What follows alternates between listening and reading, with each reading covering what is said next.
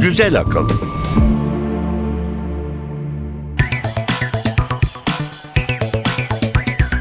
Merhaba Türkiye, merhaba Elif Yılmaz. Merhaba İnan Aran. Güzel Akıl 4. bölüm başlıyor. Bu hafta bakalım bilim ve teknoloji gündeminde neler oldu, neler değişti, nelerden bahsediyoruz. Bir tanıtımımız var, onu dinleyelim önce. Güzel Akıl'da bu hafta. 6 Haziran sabahı çok nadir rastlanan bir gök olayı gerçekleşti. Venüs'ün yolu Güneş'in önünden geçti, Dünya izledi. Zincirli Prenses Andromeda geliyor. Saman yoluyla Andromeda'nın kavuşmasına 4 milyar yıl kaldı.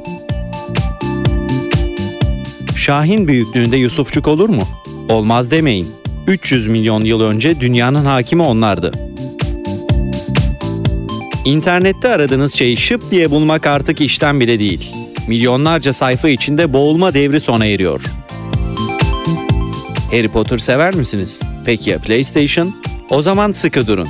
Yeni oyun Wonderbook yolda. Bilim ve teknoloji tarihinde bu hafta neler oldu? Cahillikler Köşesi Ve bir portre. Marie Curie kimdi? Nobel yolunda nelerle mücadele etti? Erkek egemen bilim dünyasını nasıl dize getirdi? Güzel akıl. Bu hafta bilim haberlerine bir göz atalım istersen. Değişik haberler var. İlki sineklerle ilgili. Sinekler çok acayip. Minicik sivrisinekler kafalarına düşen ve ağırlıklarının 50 katı olan su damlalarına bana mısın demeden yollarına devam ediyorlar. Uçuş kesintisi sürüyor. Evet.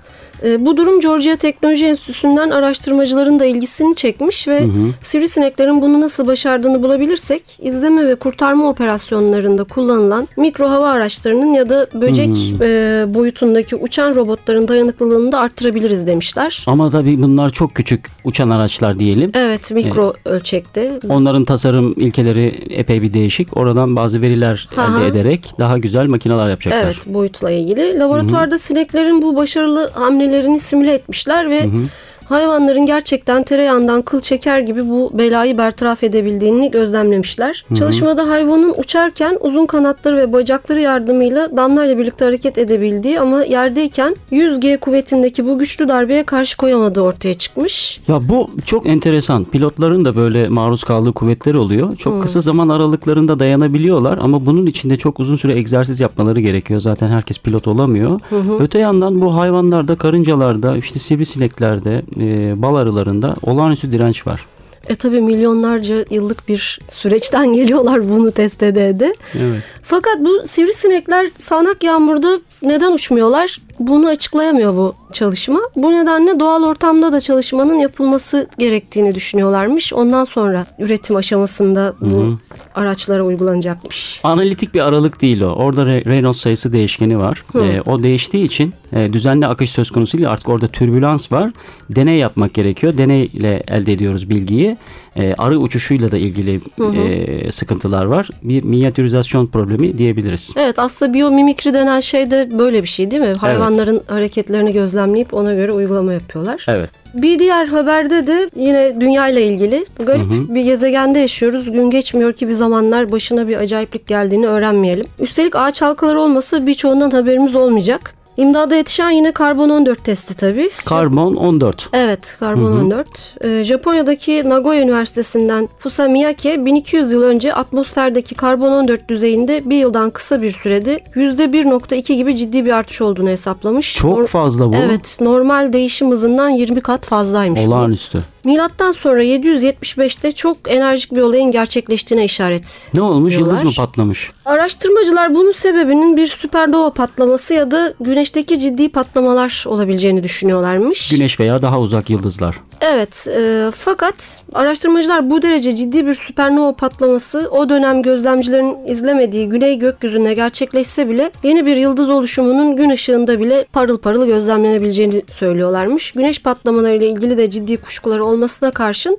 yine de bu test şimdilik daha akla yakın. Aslında medikal kayıtları olsa o dönem e, kanser vakaları kaydedilebilmiş olsa İnsanlar başlarına ne geldiğinin farkında bile değillerdir ya. Tabii, o o, kadar dönem. da eski bir dönem değil. Bayağı Değil, yazının evet. kaydın falan olduğu bir dönem Google'dan ama. baktım pek bir şey bulamadım. Bir haber daha vardı bu hafta astronomiyle alakalı. Ya evet 6 Haziran sabahı her zamanki gibi yörüngesinde dolanan Venüs'ün yolu bu sefer Güneş'in önünden geçti. Evet. Bu geçiş e, en nadir gözlemlenen gök olaylarından biri. Bu sonuncusuyla birlikte son 400 yılda yalnızca 6 geçiş gözlemlenmiş. Kuvvetle muhtemelen bir sonraki geçişi hiçbirimiz göremeyeceğiz. 2117 mi? Evet ben kasarım o zamana kadar yaşarım Yok. diyorsan görürsün ama. Venüs geçişinin gökbilimciler için başka bir önemi de Dünya ile Güneş arasındaki mesafeyi ölçmek için 18. yüzyılda gökbilimcilerin bu geçişten faydalanmış Hmm. olması. O zaman tabii elde yok, avuçta yok, Evet. malzeme sıkıntılı, kısıtlı olanaklar var ama adamlar ölçüm yapmaya çalışmışlar. Nasıl olmuş mu? Becerebilmişler mi? Ee, olmuş hatta 19. yüzyılda yalnızca yüzde birlik bir hatayla ölçüm gerçekleşmiş. Ama günümüzde öyle değil tabii. Artık Tabii. her şey kolay. Android telefonlar için geliştirilen bir uygulama sayesinde Şark. meraklılar evet ekranda birkaç dokunuşla sonuca ulaşıyorlar. Ya bu bir de sinekler var bir de böceklerle ilgili bir haber vardı bu hafta. Evet, e, Nedir onu o? soracaktım ben de sana. Pencereden bakarken Şahin büyüklüğünde bir Yusufçuk görsen ne dersin? Aklımı kaybederim. Neyse ki böyle bir böcek yok. Ama şimdinin miniklerinin kanat açıklığı 300 milyon yıl önce Şahin'inki kadarmış. Evet. Peki ne olmuş da küçülmüşler Ne olmuş? diye araştırmışlar Hı hı. ve sebebinin atmosferdeki oksijen yoğunluğu olduğu ortaya çıkmış. Oksijen azsa ya da çoksa Evet, e, böcekler de tıpkı diğer çok hücreli hayvanlar gibi metabolizmalarını ayakta tutabilmek için biliyorsun yakıt Hı hı. olarak oksijene ihtiyaç duyuyorlar. evet. Tabii akciğer solunumu yapan hayvanlardan farklı şekilde alıyorlar bu oksijeni. Ee, ama ne kadar çok oksijen o kadar büyük kanat Evet. demekmiş bu. Ee, milyonlarca yıl içinde oksijen yoğunluğunun azalmasıyla böceklerin de evrim geçirip küçüldüğünü söylüyor araştırmacılar ama tek sebep bu olamaz diyorlar. İşte tartışmalı o. Evet çünkü onar yıllık e, aralıklarla ölçümler yapılmış. 140-130 milyon yıl e, arasında oksijen derişimi arttığı halde böceklerin küçülmesinin başka bir nedeni olmalıydı diyorlar. Evet. Tam ne da- olabilir uygun açıklama? Ya tam da işte o dönemde sahneye bir şey çıkıyor. Nedir o? Kuşlar. Oo. Ya bu büyük avcıların manevra kabiliyeti düşük olan büyük böcekleri avlamaları da e, kolay olduğundan böcekler çareyi küçülmekte Küçük buluyorlar. olanlar hayatta kalıyorlar. Ee, Kuşlar büyükleri ayıklıyor. Evet bu çalışma çok destek görüyor ama kanıt için daha fazla veriye gereksinim duyuluyormuş. Bir tane daha gökbilim haberimiz var. Evet. Andromeda biliyorsunuz zincirli prenses Evet. geliyor. Gözümüz aydın. Hubble Geliyor. Uzay Teleskobu'nun verileri ışığında gökbilimciler Andromeda ile bizim gök adamı Samanyolu'nun 4 milyar yıl sonra çarpışmasının kaçınılmaz olduğunu ortaya Ne çıkarmışlar. süratle geliyor Andromeda? Ee, Andromeda saniyede 110 kilometre hızla yaklaşıyor Müthiş. ve bizden 2,5 milyar ışık yılı uzakta. Evet. Tabii biz de boş durmuyoruz Samanyolu. Biz de ona doğru ilerliyoruz. O Kavuşuyoruz. za- Evet. Kavuşuyoruz. O zamana kim öyle kim kala tabii ama diyelim ki hala uygarlığımız hayatta başka bir yere de kapağı atamadık. Bu çarpışmadan çok da fazla etkilenmeyecekmişiz. Güneşin pozisyonu biraz değişecekmiş. Samanyolu'nun ortalarında kaptığı yeri kaybedecek. Belki itibarı sarsılacak ama biz zaten o sırada gezegende Yarınımızı hesaplayamıyoruz Evet. Elif. Yani 2 milyar yıl, 4 milyar yıl bunlar çok uzak şeyler. Bizim o Evet. zaman zaten başka sorunlarımız olacak. Nükleer yakıt bitiyor olacak. Güneşin aşırı ısınması vesaire gibi Muhtemelen. kafamız başka yerlerde. Çok zor Sonunda- zamanlar. Evet. Evet bu e, kavuşmadan da 2 milyar yıl sonra hep birlikte eliptik bir gökada olarak varlığımızı sürdürecekmişiz. Bakalım. Teknoloji haberlerine geçmeden müzik arası verelim. Machine of Love, Love Ravers. My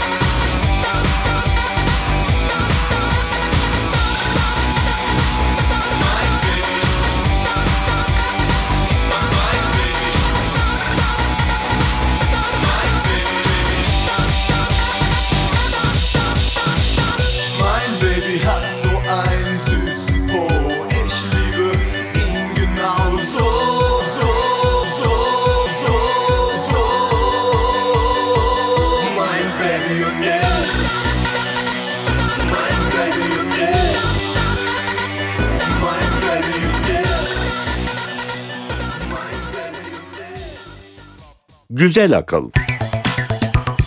Şimdi sırada teknoloji haberlerimiz var. Elif neler var elimizde? Yine enteresan bence. Ee, birilerinden bir şey saklamak istersek kendimizce kimsenin aklına gelmeyecek çok gizli yerler buluruz değil mi? Ne diyoruz onlara? Zula. Zulalar evet. Peki ya gizli bir şey bulmaya çalışsak? Yani ne yaparız? Nereye o bakarız? zaman da çok güvendiğimiz aklımızla hareket edip ben olsam nereye koyarım Evet. diye düşünürüz değil mi? Evet. Ama Kanada'daki Alberta Üniversitesi'nde araştırmacılar kazın ayağının öyle olmadığını söylüyorlar. Neymiş değişen şey? 102 kişiyle önce gerçek bir odada daha sonra da sanal gerçeklik ortamında yapılan bir deneyde gönüllülerden 2 dakika süreyle önce odaya bir şey saklamaları e, sonra da saklanan bir şey bulmaları istenmiş. Araştırmaya katılanların çoğu saklamak için odanın ortasını seçerken aramaya karanlık e, köşelerden başlamışlar. Sanal gerçeklik testinde de odanın şekli, eşyaların yerleri değiştirilebilir olmasına karşı durum aynıymış. Demek ki bu temel bir özellik. Hepimizde olan bir şey.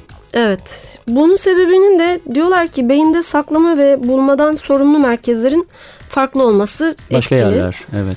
Diyeceksin ki bu araştırmayı niye yapmışlar? Yani herkes Hadi kendini dedim. bilmiyor. Niye yapmışlar? Hadi dedim ben. Hadi. Bu araştırmanın teröristlerin bombayı nereye sakladığını ya da kaçak malların nerede olduğunu bulmak için yol gösterici olabileceği söyleniyormuş. Şimdi bu hırsızlar demek ki bunların kafaları bizden farklı çalışıyor ki Ha. bizim sakladığımız zulaları anında bulup patlatabiliyorlar. Aynı zamanda bu bilgi hani güvenlik maksadıyla kullanıyorlar ya. Hı. Bu huzur içinde kullanabilecek bir şey. Örneğin ben süpermarkete girdiğimde böyle reyonları ararken bunu almak istemiyorum. Mümkünse bu bilgiyi oralarda da kullansınlar. Güvenlik önemli ama huzur da önemli. Bunları çeliştirmemeye gayret Doğru. etmek. Bir de kendi koyduğumuz şeyi bulmak konusunda da bir faydası olsa keşke. Evet. O da zor. Ne var başka Bir, de, haber? bir diğer haber de e, nabza göre şerbet veren dokunmatik ekranlarla ilgili. E, dokunmatik ekranlarda yazı yazmanın zorluğunu ortadan kaldırmak isteyen yazılımcılar kullanıcısının alışkanlıklarını kavrayıp ona göre pozisyon alan klavyeler üretmeye çalışıyorlar. Fiziksel bir geri besleme olmadığından bu tür ekranlarda hem hata yapma olasılığı yüksek biliyorsun e, hem de yazma hızı düşük. Karışıyor karakterler birbirine. Karışıyor evet. Diyelim ki kullanıcının eli istemeden sürekli klavyenin alt kısmına Evet. kayıyorsa klavyede aşağı kayıyormuş. Ya da Hmm. spacebar duruma göre genişliyormuş. Bu yazılımla yazma hızında %15'lik bir artış sağlanmış ama hata yapma yüzeyinde düzeyinde kayda değer bir düşüş olmamış. iPhone için başka bir yazılım geliştirmişler. Ee, Evet. Yürürken yazmayı kolaylaştırmak için. Adım pozisyonunu ve yürüyüş hızını izleyen bir ivme ölçerden yararlanılmış. Böylece mevcut iPhone klavyesine oranla yazma hızı %13 artarken hata oranı da %10'dan 6'ya düşmüş. Düşünme oranını değiştirecek bir teknoloji yani ne bileyim böyle daha hızlı düşünmemizi sağlayabilecek bir teknoloji bekliyorum ben. Hani Daha hızlı düşünürüz belki de işte yazamadıktan sonra yaz- diye işte, düşünüyorlar. hani yazma hızına çalışıyorlar Karşıya şimdi. geçirecek doğru. Google neler yapıyor bu aralar? Google biliyorsun hiç boş durmaz. Evet. Google ya da diğer arama motorlarında bir şey ararken şöyle tak diye aradığımız şey ekranda karşımıza gelse ne güzel olur değil mi? Yüzlerce Be- bel fıtığı yazıyorsun. Google'a. Bel fıtığı yazıyorsun. 2 milyon filan sayfa geliyor. Bel milyon. ağrısı yazıyorsun. 3 milyon. Korkunç hiçbir şey Geçer bulamıyorsun. ne ağrı kalır ne bir şey kalır bak onların içinden ayıklayıp bulacağım diye. Google ve Microsoft'un arama motoru Bing biraz sabır istediğiniz gibi şeyler e, bir şeye yakında kavuşacaksınız diyorlar. Her ne kadar internet çok gelişti desek de aslında Google'un kurulduğu 98'den bu yana çok büyük bir değişiklik olmadı biliyorsun. Temel arama motoru algoritması yine olduğu gibi. Evet yine aynı tas Faaliyette. aynı hamam yazıyorsun basıyorsun işte birbiriyle alakalı bir sürü Evet. sayfa linki geliyor. Sonra da işte geçsin saatler işin içinden çıkamam. Ama bu dert bitmek üzereymiş. Diyelim ki bir yerin adresini sorduk. Hop diye adres gelecek. Şimdiki gibi içinde adresinde olduğu dokümanlar içeren binlerce link gelmeyecekmiş. Evet. Fakat bu iş kolay değil tabii. Her iki e, arama motoru da on binlerce farklı bağlantısı bulunan yüz milyonlarca kuruluş Çok veri, Barındırıyor. çok çok belge, çok sayfa. Ee, onları tasvip etmek güç. Evet. Bunları ayıklamak da bir araya getirmek de çok zormuş. Google kullanıcıların ortak alışkanlıklarına, eğilimlerine göre bir yöntem izliyor ama. Alman kurdu yazdıysan örneğin genellikle hayvanın ömrünün ve boyutlarının merak edildiği kaydedildiği için öncelikle bu bilgiler Evet. geliyormuş. Knowledge Graph adı verilen yeni bir araçtan faydalanılacakmış. Ama tabii bilgisayarın yetmediği yerler var. Orada ne geliyor e, devreye? Orada işte üstün insan aklı diyeceğim. İnsan giriyor. Bazı işler sadece insan tarafından yapılabiliyor. İnsan gözüyle, insan eliyle yapılabiliyor. Evet bu, bu nedenle de işte uzmanlar devreye gireceklermiş. Robotlardan korkmaya gerek yok. Hala insanlara ihtiyaç var. İnsanlara ihtiyaç var doğru diyorsun. Bir de bir neşeli haber var. Hadi bakalım. Ee, Harry Potter ve PlayStation meraklılarını ilgilendiriyor bu. Bu haber Sony'den gelmiş. Harry Potter serisinin yazarı J.K. Rowling'in yazdığı öyküler Sony'nin zenginleştirilmiş gerçeklik ürünü Wonderbook tarafından PlayStation 3 oyun konsolunda oyuncularla buluşuyormuş. Kitabı oyun yapmışlar gibi. Evet e, yeni yazacakmış aslında bunları. Bu da işte Wonderbook Book of Spells diye yine işte bir takım büyüleri içeren Hı hı. bir kitap. Oyunun adı da bu. Ee, ekranda sihirli değnek şeklinde beliren PlayStation dijital göz kamera ve hareket denetleyicisi üzerine kuruluymuş oyun. Oyuncular çeşitli mimiklerle büyü komutu verebilecek hatta kağıt ejderhaları yakmak gibi bazı büyüleri bizzat yapabileceklermiş. Ya bilim teknoloji gelişiyor sonra oturup biz bunlarla büyü yapıyoruz. Çok ironik bir durum var ya orada. tatlıca da işte şöyle burnunu oynatıp hop diye yapacakmış. Bir de bir etkinlik haberi. Hadi ilk defa bir etkinlik haberi verelim. Hadi verelim. Ne bir, ne bir sergi haberimiz var. Hı The. Great Masters Büyük Ustalar Rönesans'ın Sırları İstanbul'da Aydınlanıyor diye bir Hmm. sergi. Nerede bu? Ee, bu sergi Tophane Amire'de başladı. Hı hı. Gittim ben gezdim. Güzel bir sergi. Beğendin, beğendin mi? Beğendim evet. Kompakt. E, tabii yani üçü de çok büyük usta çok fazla eserleri var ama e, olabildiğince ünlü eserlerinden örnekler getirmişler. Üçü derken Michelangelo, Michelangelo. Leonardo ve Rafael. Evet üçü. 31 Temmuz'a kadar sürecek sergi. Michelangelo'nun Sistre Şapeli'ndeki freskleri, Davut heykeli, işte Rafael'in şu ünlü Atina okulu biliyorsun yok Evet. yok o resimde. Şu şey var mı askıda gibi duran çıplak adam? Vitruvius Evet. adamı mı? Var var. Evet Leonardo'nun Son son, akşam. yemeği tablosu da var. Kesin gitmem lazım benim oraya. Peki o zaman hmm, Alman elektronik sahnesinden bir numuneyle güzel akıl birinci kısma noktayı koyalım. Mod selektör Black Block. Kara engel.